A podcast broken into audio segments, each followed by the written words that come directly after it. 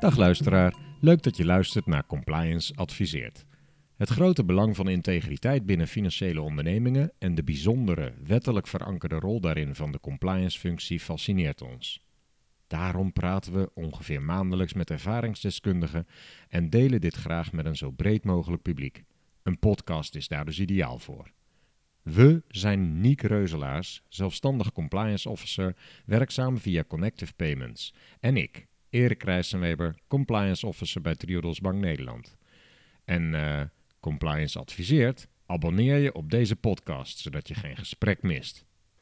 Bij de opname van deze podcast was de intelligente lockdown in verband met corona zo'n drie weken oud. Vandaar dat we het volgende gesprek via Skype opnamen. Dit ging ten koste van de geluidskwaliteit, maar de kwaliteit van de sprekers is er niet minder om. Vandaag hebben we een gesprek met Ernst van Niekerk en Gilles Haasnoot, respectievelijk CEO en CTO en oprichters van Payout. Ernst was voorheen productmanager bij de bekende betaalinstelling Adyen uit Amsterdam en Gilles richtte succesvol Sportalize op, een partij die real-time sportgegevens aggregeert en daarmee diepgaande statistieken kan bieden. Vandaag vertellen ze bij Compliance Adviseert over hun ervaringen met compliance als oprichters van hun nieuwe fintech company Payout. Welkom in deze podcast, Ernst en Gilles. Kunnen jullie iets over jezelf uh, vertellen? Wie zijn de eigenaren van Payout? Zeker, ik ben Ernst en ik heb uh, samen met Gilles Payout opgericht. Payout is een, uh, is een fintech bedrijf en het staat voor Payments Automated. Dus het is geschreven met AUT op het eind. En wij bieden een geautomatiseerde betaaloplossing voor online platforms en marktplaatsen. En wij helpen deze klanten met die drie producten. Know Your Customer, uh, dat betekent het verifiëren van de verkopers op een marktplaats. Split payment, en hiermee kan de, de marktplaats of het platform een betaling splitten tussen hun eigen commissie en het stuk dat aan de verkoper toebehoort. Uh, en het derde product is payout, dus de daadwerkelijke uitbetaling. Dus payout automatiseert en neemt het gehele proces van uitbetalen aan de verkopers op het platform uit handen. Wat is het unieke aan dit concept dan? Het unieke van dit uh, product is eigenlijk uh, als volgt. Er bestaan in, uh, in deze markt een aantal oplossingen voor online marktplaatsen om hun geldstromen te beheren. En deze aantal oplossingen, dat zijn er eigenlijk in grofweg zijn er twee, twee grote partijen. Um, het nadeel van zo'n grote partij is dat je, je een lock-in creëert bij zo'n partij. Waarbij de lock-in betekent dat je zowel de inkomende betalingen als de uitgaande betalingen bij één partij onderbrengt. Het grote voordeel eigenlijk bij payout is dat je de inkomende betalingen via partijen als PayPal, Ideal, etc. kan laten verlopen. En payout is vervolgens uh, de partij die dan de uitgaande betalingen op zich neemt. En dat is een groot voordeel, want dat betekent dat je dus, uh, stel je hebt een marktplaats die uh, in verschillende regio's in de wereld opereert, dat je dus meerdere betaaloplossingen kan integreren op je op je marktplaats. En vervolgens payout de uitgaande betalingen laat, uh, laat doen. Ander, ander groot punt voor marktplaatsen is het zogenaamde compliance stukje. Um, zoals men wel weet is dat erg belangrijk is tegenwoordig om goed te weten waar de geldstromen allemaal heen lopen. Of dit geen partijen zijn die witwassen of geen criminele organisatie zijn betekent dat uh, partijen zich moeten richten op KYC, dus know your customer, het valideren van je, van je klanten. Maar ook uh, transacties moeten worden gemonitord, et cetera. En uiteindelijk betekent dat deze partijen een betaallicentie moeten krijgen. Nou, een betaallicentie krijgen is niet een heel makkelijk proces. En daarom uh, is ook payout eigenlijk ontstaan. Omdat wij wel deze betaallicentie, althans we zijn bezig met het verkrijgen van deze licentie zodat we dat werk allemaal uit handen kunnen nemen van uh, al die online marktplaatsen. Jullie zitten dus eigenlijk met jullie dienstverlening tussen de PSP en jullie klant in. En de klant heeft een contract met zowel die PSP als met jullie. Klopt. Dus uh, partijen die uh, kunnen Molly, Buckaroo of een creditcard integreren op een, op een marktplaats. Dat zijn dus de inkomende betalingen. En wij zijn eigenlijk puur alleen de uitgaande betalingsstukje eigenlijk uit aan de klanten van een marktplaats. Dus als voorbeeld, Uber heeft uh, taxi uh, drivers waar wij naar uitbetalen. een verhuurplatform heeft verhuurders van boten of van huizen of van motors. Dat zijn hun klanten. En wij betalen uit naar die ehm, entiteiten. Dat kunnen bedrijven zijn of dat kunnen individuen zijn. En dat zijn dus ook de klanten. Jullie richten je niet op die platforms zelf, maar op de klanten van die platforms. Ja, onze klanten zijn de online marktplaatsen en de platforms. Hè. En een platform is dus een, een, een, een app of een website die kopers en verkopers aan elkaar koppelen. Uh, en het platform is onze klant. En uit naam van hun betalen wij de verkopers uit. Dus zoals Gilles net uitlegde, de verhuurders op een, uh, op een sharing economy platform of de verkopers op een, uh, op een fashion marketplace. Um, die, die onboarden wij, die verifiëren wij en die betalen wij uit. Dat know your customer, op welke partij is dat dan gericht? Ja, wij doen de verificatie op zowel de marktplaatsen als de verkopers op de marktplaats. Wat maakt jullie eigenlijk geschikt om zo'n onderneming te starten? Nou, ik denk um, dat, uh, dat we beide hier uh, complementair aan elkaar zijn. Ik, heb, um, ik werk tien jaar in de payments. Ik ben begonnen als merchant bij speelgames. Daar heb ik overigens Gilles ook leren kennen. En ik heb daarna mijn eigen consultingbedrijf gehad en daarna bij Argent gewerkt. Dus ik heb um, uh, in de paymentswereld vanuit alle kanten, uh, vanuit de klant, vanuit de PSP en vanuit consultingrol um, uh, ja, gezien hoe het werkt. En, um, en in die zin ja, denk ik dat de ervaring die ik heb opgedaan goed van pas komt bij het, bij het uitbouwen van payout. Oké, okay, en Gilles? Zeker, ja. Dus uh, Ernst uh, gaf al aan dat hij uh, zich vooral nou ja, gespecialiseerd heeft op het businessvlak van, van payments de afgelopen jaren. ik zelf ehm, kom meer vanuit de technische hoek. Ik ben in 2011 ben ik gestart met het oprichten van een IT-bedrijf. waarbij ik toch wel in die jaren redelijk wat ervaring heb opgedaan met het opbouwen van teams, et cetera. Uh, wat nu in deze fase van ons bedrijf uh, enorm helpt. En kunnen jullie iets vertellen over wat er allemaal bij komt kijken om payout op te richten? Nou, ten eerste natuurlijk de gebruikelijke BV's en holdings. Um, dit, is, uh, dit is eigenlijk vrij gemakkelijk gegaan. Je hebt tegenwoordig veel mooie online oplossingen waar je vrij gemakkelijk een, een BV en een holding kan, kan oprichten. Nou, naast de BV's en de holdings moesten wij ook een stichting derde geldenrekening openen. En dit was een behoorlijk langdurig proces. Wij hebben besloten om deze bankrekening eh, bij een ABN AMRO uh, onder te brengen.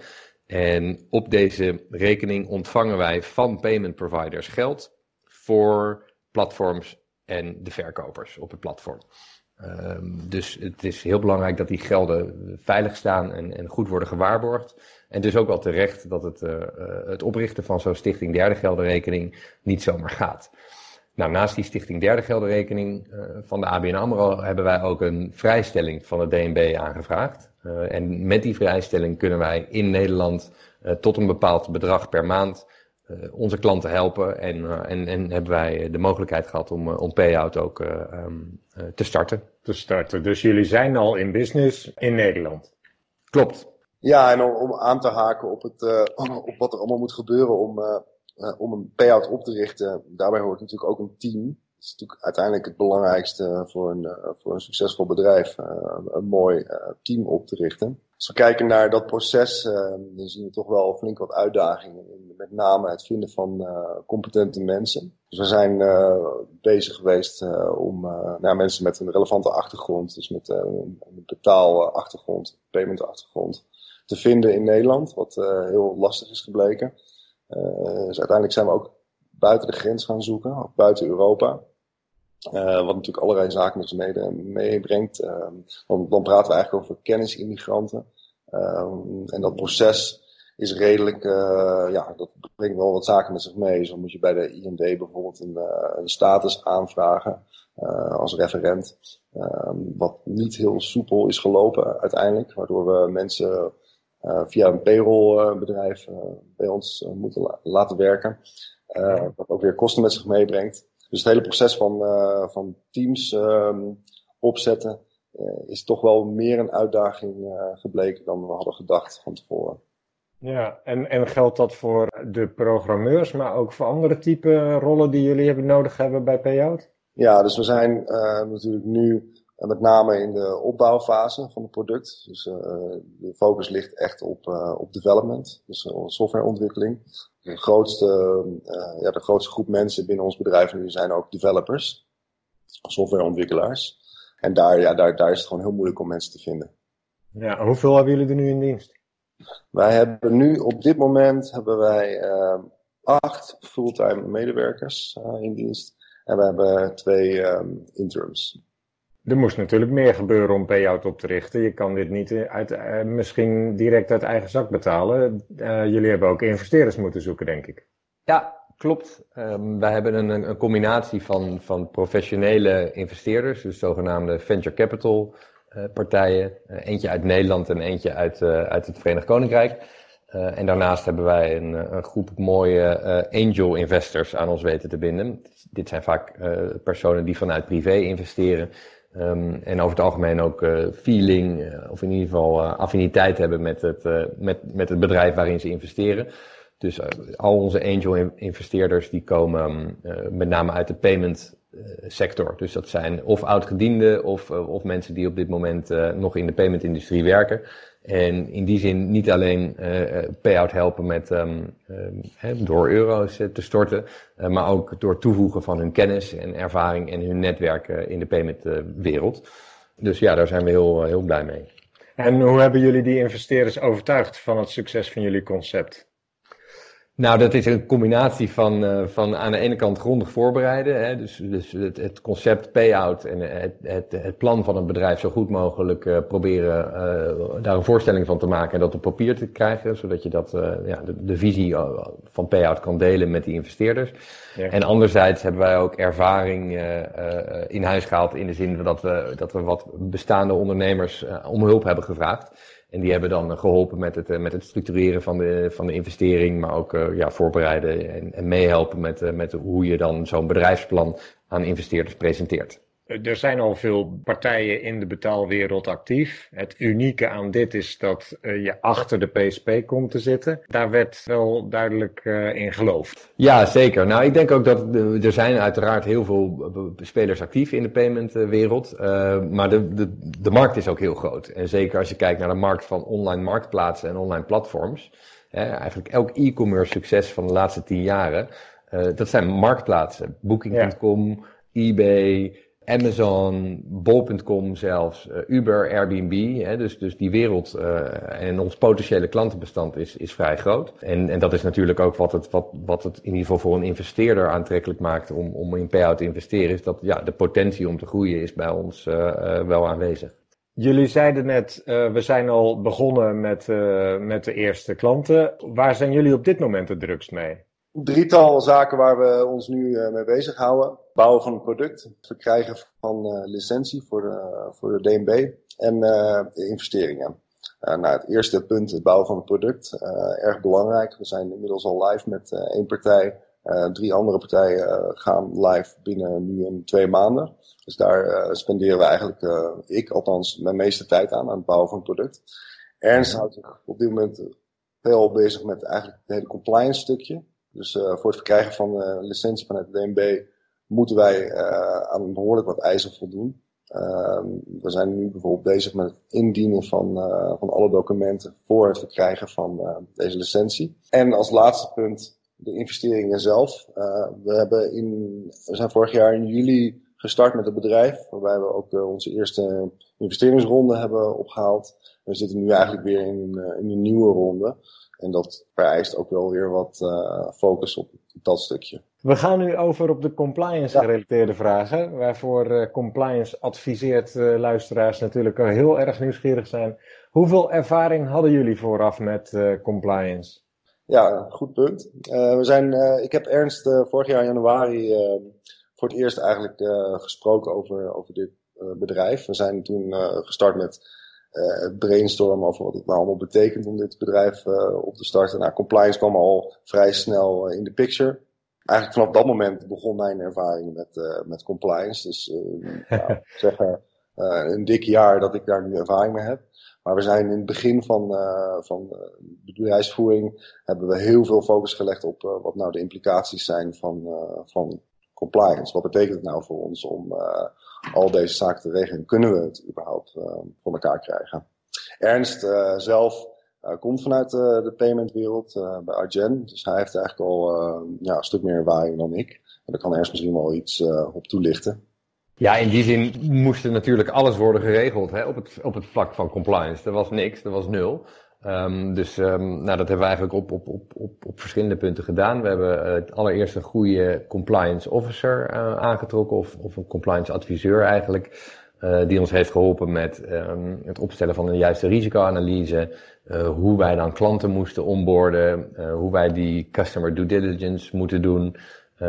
die heeft ons ook geholpen met de, met de vrijstelling licentie van DNB. We hebben de Stichting Derde Gelder natuurlijk op moeten richten, wat ik net al zei. En op dit moment zijn wij bezig om de volledige PSDT-vergunning aanvraag in te dienen bij de Nederlandse Bank. Dus de vrijstelling hebben jullie al binnen. Hoe lang heeft het uh, geduurd voor na het indienen van de aanvraag voordat jullie die vrijstelling kregen van DNB? Dat heeft ongeveer drie maanden geduurd. En achteraf gezien verliep het proces eigenlijk vrij soepel dat komt natuurlijk ook omdat uh, ja, een ervaren jurist en een ervaren compliance officer uh, wisten waar ze het over hadden en ons in die zin uh, ja, een enorme versnelling hebben ge gegeven in, in aanvraagtraject. en dat ik moet ook wel zeggen dat complimenten naar, naar niet alleen degene die ons hebben geholpen, maar ook de Nederlandse bank, dat ze ja, toch op deze manier start-ups in staat stellen om, om relatief snel van start te gaan en in ieder geval mogelijkheid biedt om om, om, om als start-up, hè, eh, terwijl je nog heel weinig hebt, um, toch een, een, een kans te krijgen in deze markt. Ja, dus, dus op zich, uh, die, die vrijstellingsaanvraag, dat, dat verliep soepel voor jullie gevoel. Ja, absoluut. Ja, ja en dat, uh, dat, dat, kan ik ook in die zin, iedereen die een idee heeft om, om het op die manier te proberen en, het, en die vrijstelling aan te vragen. En nu ben je dan met die vergunningaanvraag bezig. Vind je het, hoe, wat vind je van het verschil tussen de vrijstellingsaanvraag en het vergunningaanvraag? Nou, je merkt dat de volledige vergunning, hè, die ons dus um, toe zal staan om in heel Europa ons product uit te rollen, maar ook ongelimiteerd aantal uh, euro's door het systeem te verwerken, uh, ja, daar komt veel bij kijken. En het is niet alleen een, een tijdrovend proces, maar ook een, een kostbaar proces. Hè. En wij hebben besloten om om ons te omringen met de beste mensen. Hè. Dus we hebben een tweede compliance officer aangetrokken en een, eh, en een zeer ervaren jurist die dit PSD2-proces um, ehm, bij de Nederlandse bank al uh, in ieder geval één keer hebben doorlopen. Dus het kost tijd en geld, maar het is ook wel weer, het is ook wel weer goed te doen. Het is, het is, het is complex in de zin van dat het veel is, maar ja, als je er de tijd voor neemt en, en de juiste mensen om je heen hebt, ja, is het ook gewoon uh, een proces wat, uh, wat denk ik het bedrijf ook robuust maakt. Hè? En het is ook niet voor niets dat die Nederlandse bank of de toezichthouders in Europa overal die, die hoge eisen stellen aan betaalinstellingen. Want wij gaan zometeen van al onze klanten 100% van hun omzet krijgen wij op onze stichting derde geldenrekening. Dus het is ook maar goed ook dat daar ja, de, de hoogste, hoogst mogelijke kwaliteitseisen aan worden gesteld. Ligt daar wat jou betreft ook de, het zwaartepunt, het veiligstellen van derde gelden? Of zijn er andere dingen naar voren gekomen waarvan je door de, door de vergunningaanvraag je realiseerde, hé, hey, daar ligt heel veel nadruk op? Ons businessmodel is natuurlijk in die zin dat wij geld ontvangen van een payment service provider en het vanuit onze rekening weer doorbetalen aan, aan die marktplaatsen en die verkopers.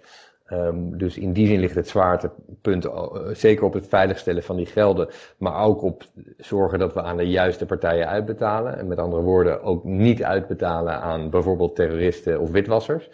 Maar in de algemeenheid is ja, je organisatiestructuur, uh, de competentie van je medewerkers, uh, bepaalde trainingen die ze moeten volgen.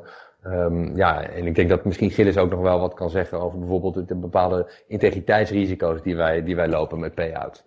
Nou, daar, komen, daar komen we inderdaad zo op. Maar ik, ik, was me ook, ik was benieuwd. Jullie betalen dus uit aan de klanten en jullie ontvangen het geld van de PSP. Maar de PSP heeft de verantwoordelijkheid om te zorgen dat het geld op de juiste plek aankomt. Dus zij hebben er ook belang bij om te weten dat jullie er integer mee omgaan. Hebben jullie al ervaring opgedaan met hoe makkelijk ze jullie in die geldstroom laten zitten? Ja, zeker. Dus wij zijn uh, live al met één partij. En um, die partij maakt gebruik van een Nederlandse payment service provider. En die Nederlandse service, payment service provider heeft ons uh, ook gevalideerd. En uh, maakt eigenlijk nu uh, elke dag naar ons geld over. Het geld okay. komt Stichting Derde Gelden terecht. En wij zorgen ervoor dat dat geld weer bij de klanten van de marktplaats terechtkomen. We hebben het inmiddels over het integriteitsrisico gehad met, uh, met betrekking tot het geld wat op de Stichting Derde Geldenrekening staat. Welke andere integriteitsrisico's zien jullie specifiek voor jullie betaaloplossing en jullie bedrijfsvoering? Ja, die zijn er, die zijn er heel veel. Uh, dat is ook heel breed. Uh, je kan denken aan, aan medewerkers die binnen de organisatie ehm, fraude plegen. Dus uh, mensen die, krijgen natuurlijk uiteindelijk toegang tot onze systemen. Nou ja, daar moeten wij dus uh, een beleid op maken. Je kan ook denken aan, uh, aan klanten die ja, niet helemaal, uh, die, die, die bijvoorbeeld lid zijn van een criminele organisatie.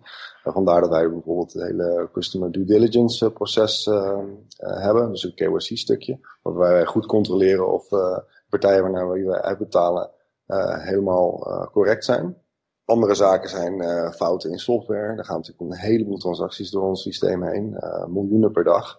Uh, we moeten 100% zeker zijn dat al die transacties bij de juiste personen uitkomen. En ja, er zijn talloze wetgevingen die er door de DNB worden gesteld waar wij moeten voldoen. Wat nog belangrijk om te vermelden is, is dat wij op dit moment nog redelijk onder de radar zitten. We zijn natuurlijk net gestart pas met, en we zijn pas net live met één partij. Maar we zijn nog niet uh, uh, helemaal publiekelijk zichtbaar. Nou, op het moment dat dat gaat gebeuren, dat wij dus wel publiekelijk zichtbaar worden, dan worden wij 100% zeker een target voor, voor partijen die geïnteresseerd zijn in, in onze gelden. Daarbij kun je denken aan DDoS aanvallen, maar ook hacks die proberen ons systeem in te komen. Ja, dus je hebt het daarin ook over de security en de, de informatietechnologie risico's heel belangrijk aspect van ons product. Is dat. Ja. En hoe kijken jullie nu na dat vergunningtraject aan tegen de wettelijke verplichtingen en het toezicht van DNB? Met andere woorden, werden er eisen gesteld die je niet kunt plaatsen of die je juist denkt van hé, hey, nu begrijp ik hoe belangrijk dat eigenlijk is? Ik denk dat eh, bestaande, maar ook potentiële klanten zeker worden getriggerd op het moment dat wij um, de volledige Europese licentie hebben. Ja, dat is natuurlijk wel een, signaal en in die zin echt een, een, label dat je op je bedrijf kan plakken waarmee je aan kan tonen dat je nou ja, in ieder geval volgens de wet en regelgeving van de Nederlandse bank um, goed bezig bent. En in die zin, uh, ja, achteraf gezien of als we nu naar het proces kijken, uh, ja, is eigenlijk alle wet en regelgeving klopt. Hè? Die, die, die, die, it makes sense. Maar ik had het misschien achteraf eh, wel verwacht, of eigenlijk misschien meer gehoopt, dat wij bijvoorbeeld met de vrijstelling ook in Europa kunnen uh, uh, opereren. Hè. Wij mogen nu alleen onze dienstverlening in Nederland aanbieden, terwijl er genoeg marktplaatsen zijn buiten Nederland, alleen al in Duitsland, Frankrijk en Scandinavië, die denk ik wel gebruik willen maken van onze dienstverlening. En in die zin is het, is het ja, wel jammer dat we dat dan pas aan het eind van 2020, als we hopelijk de PSD2-licentie ontvangen, um, dat we dan pas uh, buiten... Kunnen beginnen daarmee. Exact. Ja. ja.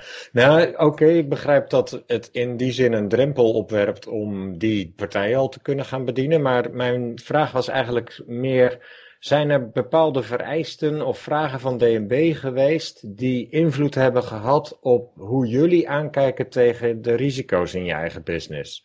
Dat je uh, door de vragen uh, je realiseerde van hé, hey, daar moeten we inderdaad meer aandacht aan besteden. Ja, er zijn er wel een aantal hoor. welke zijn dat dan? Nou ja, ik denk dat uh, bij het starten van een bedrijf, dat je met name richt op, op het starten van een bedrijf. En op, het, op het opereren van je bedrijf, dus het succesvol maken van je bedrijf. Maar dat je wat minder nadenkt aan bijvoorbeeld hoe om te gaan met een situatie dat het niet meer goed gaat. Dus uh, op het moment, uh, worst case, dat het bedrijf omvalt, uh, wat gaan we dan doen, bijvoorbeeld? Ja. ja. Dat, dat, zijn ook eisen die gesteld worden. Waar ook al meteen al bij de vergunningaanvraag zelf. Ja, zeker. Ja. ja. Heel belangrijk stukje. Nou ja, hetzelfde geldt voor zaken als, als klacht. Ehm, hoe, hoe, ga je om met klachten? daar, daar moet je dus allerlei policies voor, voor opstellen. hoe, daar, hoe je daarmee omgaat als bedrijf zijnde. En als je nog maar aan het begin staat van de onderneming en vooral mensen in dienst hebt die aan de, uh, aan de programmeerkant zitten, is het dan goed te doen om zo'n soort klachtenprocedure al in, in werking te stellen? Nou, gelukkig is het wel zo dat we ons uh, voor stuk compliance met name richten nu op uh, zeg maar, hoe we het willen gaan inrichten. dus wat is zeg maar, de, de ideale situatie voor een klachtenafhandeling? Ja. En de komende maanden krijgen wij de tijd om dat daadwerkelijk toe te passen. Het begint natuurlijk met het, met het opstellen daarvan. Oké, en uh, hebben jullie over dit soort zaken rechtstreeks contact met iemand bij DNB of moet je dit zelf nog uitzoeken en door je adviseurs laten vertellen? Nou, wij hebben in, de, in het proces van, die, uh, van de aanvraag van de PSD2-licentie één keer telefonisch contact gehad met de Nederlandse bank. En ondanks corona konden wij snel met, met ze bellen en hebben we ook snel kundig antwoord van ze gekregen. Um, maar het helpt natuurlijk enorm dat op het moment dat, dat, dat wij die compliance officer in dienst hebben die ons helpt met, met die voorbereiding, ja, die weet precies welke vragen er wel en welke vragen er niet gaan komen van de Nederlandse bank. dus de ervaring daar is belangrijk. En daarnaast denk ik dat die vrijstelling Gilles en mij heeft gedwongen om goed na te denken over ja, de risico's van het, van het opstarten van een betaalinstelling en, uh, en wat er allemaal bij komt kijken. Helder. Zijn er al bepaalde zaken geweest uh, waar, het, waar het lastig was om aan te voldoen? Stel, iemand anders wil ook zo'n uh, payout oprichten. Uh, waar loop je dan tegenaan? Ja, niet echt iets eigenlijk. Nee, ik denk dat, de, dat, dat het redelijk soepel verloopt. Um, je bent er veel tijd mee kwijt, maar uh, tot nu toe uh, loopt het aardig vloeiend. Oké. Zijn er dingen die je achteraf gezien anders zou doen? Nee, ik denk dat wij achteraf gezien niet dingen anders zouden doen. We zijn eigenlijk vrij tevreden over hoe het proces loopt. En dat is denk ik met name te, te danken aan het feit dat we ja, ervaren mensen hebben weten te binden aan payout. Die, eh, die met plezier um, samen met ons werken aan, aan zo'n vergunningstraject. En um, het is een investering die je maakt. Hè. Iemand met ervaring is, is, is natuurlijk wat kostbaarder dan iemand zonder ervaring. Of je kan het ook nog helemaal zelf doen. Uh, maar ik denk dat het, um, ja, dat het proces dusdanig soepel verloopt um, dat dit, uh, dat dit de investering zeker waard is geweest. Oké. Okay. Dan heb ik nog wel een paar vragen over hoe jullie bepaalde processen dan hebben ingericht nu. Transactiemonitoring. Ik neem aan dat jullie daar een verplichting zelf ook hebben, of ligt die dan bij de PSP's? Voor de inkomende betalingen die een klant van een uh, marktplaats doet bij aankoop van een product, daar doen wij geen eh, monitoring op. Dat ligt volledig in handen bij de uh, payment service provider. Het geld wat wij vervolgens uitbetalen naar de verkopers van een uh, marktplaats, daar hebben wij wel monitoring op. En monitoring, we kijken puur naar de transacties. maar nog eigenlijk het allerbelangrijkste is het stukje CDD. Dus dat wij controleren of die partijen valide partijen zijn. Ja, om een klant volledig te monitoren heb je natuurlijk uh, gegevens nodig van die klant. Wat, ja. met, met wie heb je te maken en dergelijke. Maar je wilt ook een verwacht transactiepatroon op kunnen formuleren voor specifieke klanten. Hoe gaan jullie daarin te werk dan? Vanuit de DNB wordt ook een, uh, vanuit de DNB wordt een transactiemonitoring policy verwacht. Daar zijn wij op dit moment mee bezig. En dat houdt in dat je kijkt naar uh, patronen van transacties, uh, et cetera. Maar op dit moment zijn we daar, daar dus nog echt mee, uh, mee bezig. We hebben nog niet de implementatie daarvan. Nee, oké. Okay. En, en voor jullie eigen medewerkers, hoe screen je bijvoorbeeld je eigen medewerkers? Ook dat is onderdeel van, van een policy die de DNB vereist. Daar zijn we ook mee bezig. Dat wordt nog ingericht? Ja, dat is inmiddels ingericht de uitvoer van uh, dat moet nog plaatsvinden.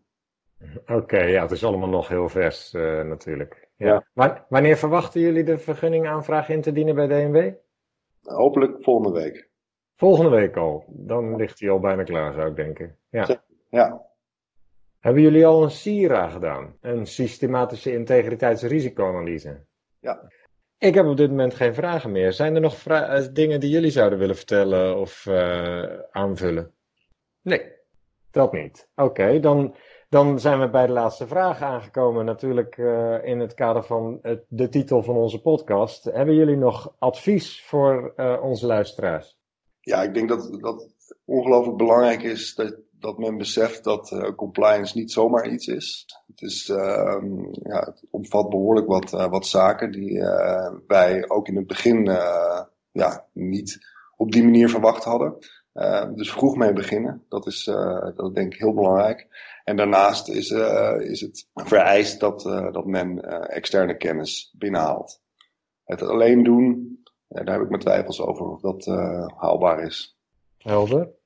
En als ik daar nog wat aan zou kunnen toevoegen, compliance is, kan ook een, een verkoopstrategie zijn. In de zin van dat de licentie, hè, het verkrijgen van een betaalinstelling licentie, dat um, voegt ook waarde toe aan je bedrijf. Um, daarmee kan je je direct meten met de, de grotere payment service providers in de markt. En als er geen compliance zou bestaan, als er geen wet en regelgeving zou staan om aan te voldoen, ja, dan heb je ook weinig houvast, uh, al, zeker als start-up, um, om, uh, om je gedegen en betrouwbaar in de markt uh, te zetten.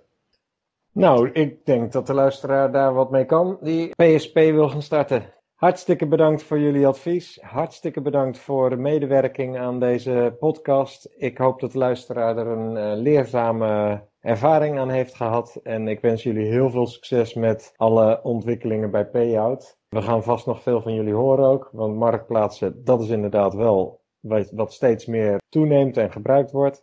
Tot slot, abonneer je op de podcast en de LinkedIn-pagina van Compliance Adviseert. Daar kun je ook even een reactie achterlaten, dat zouden we leuk vinden.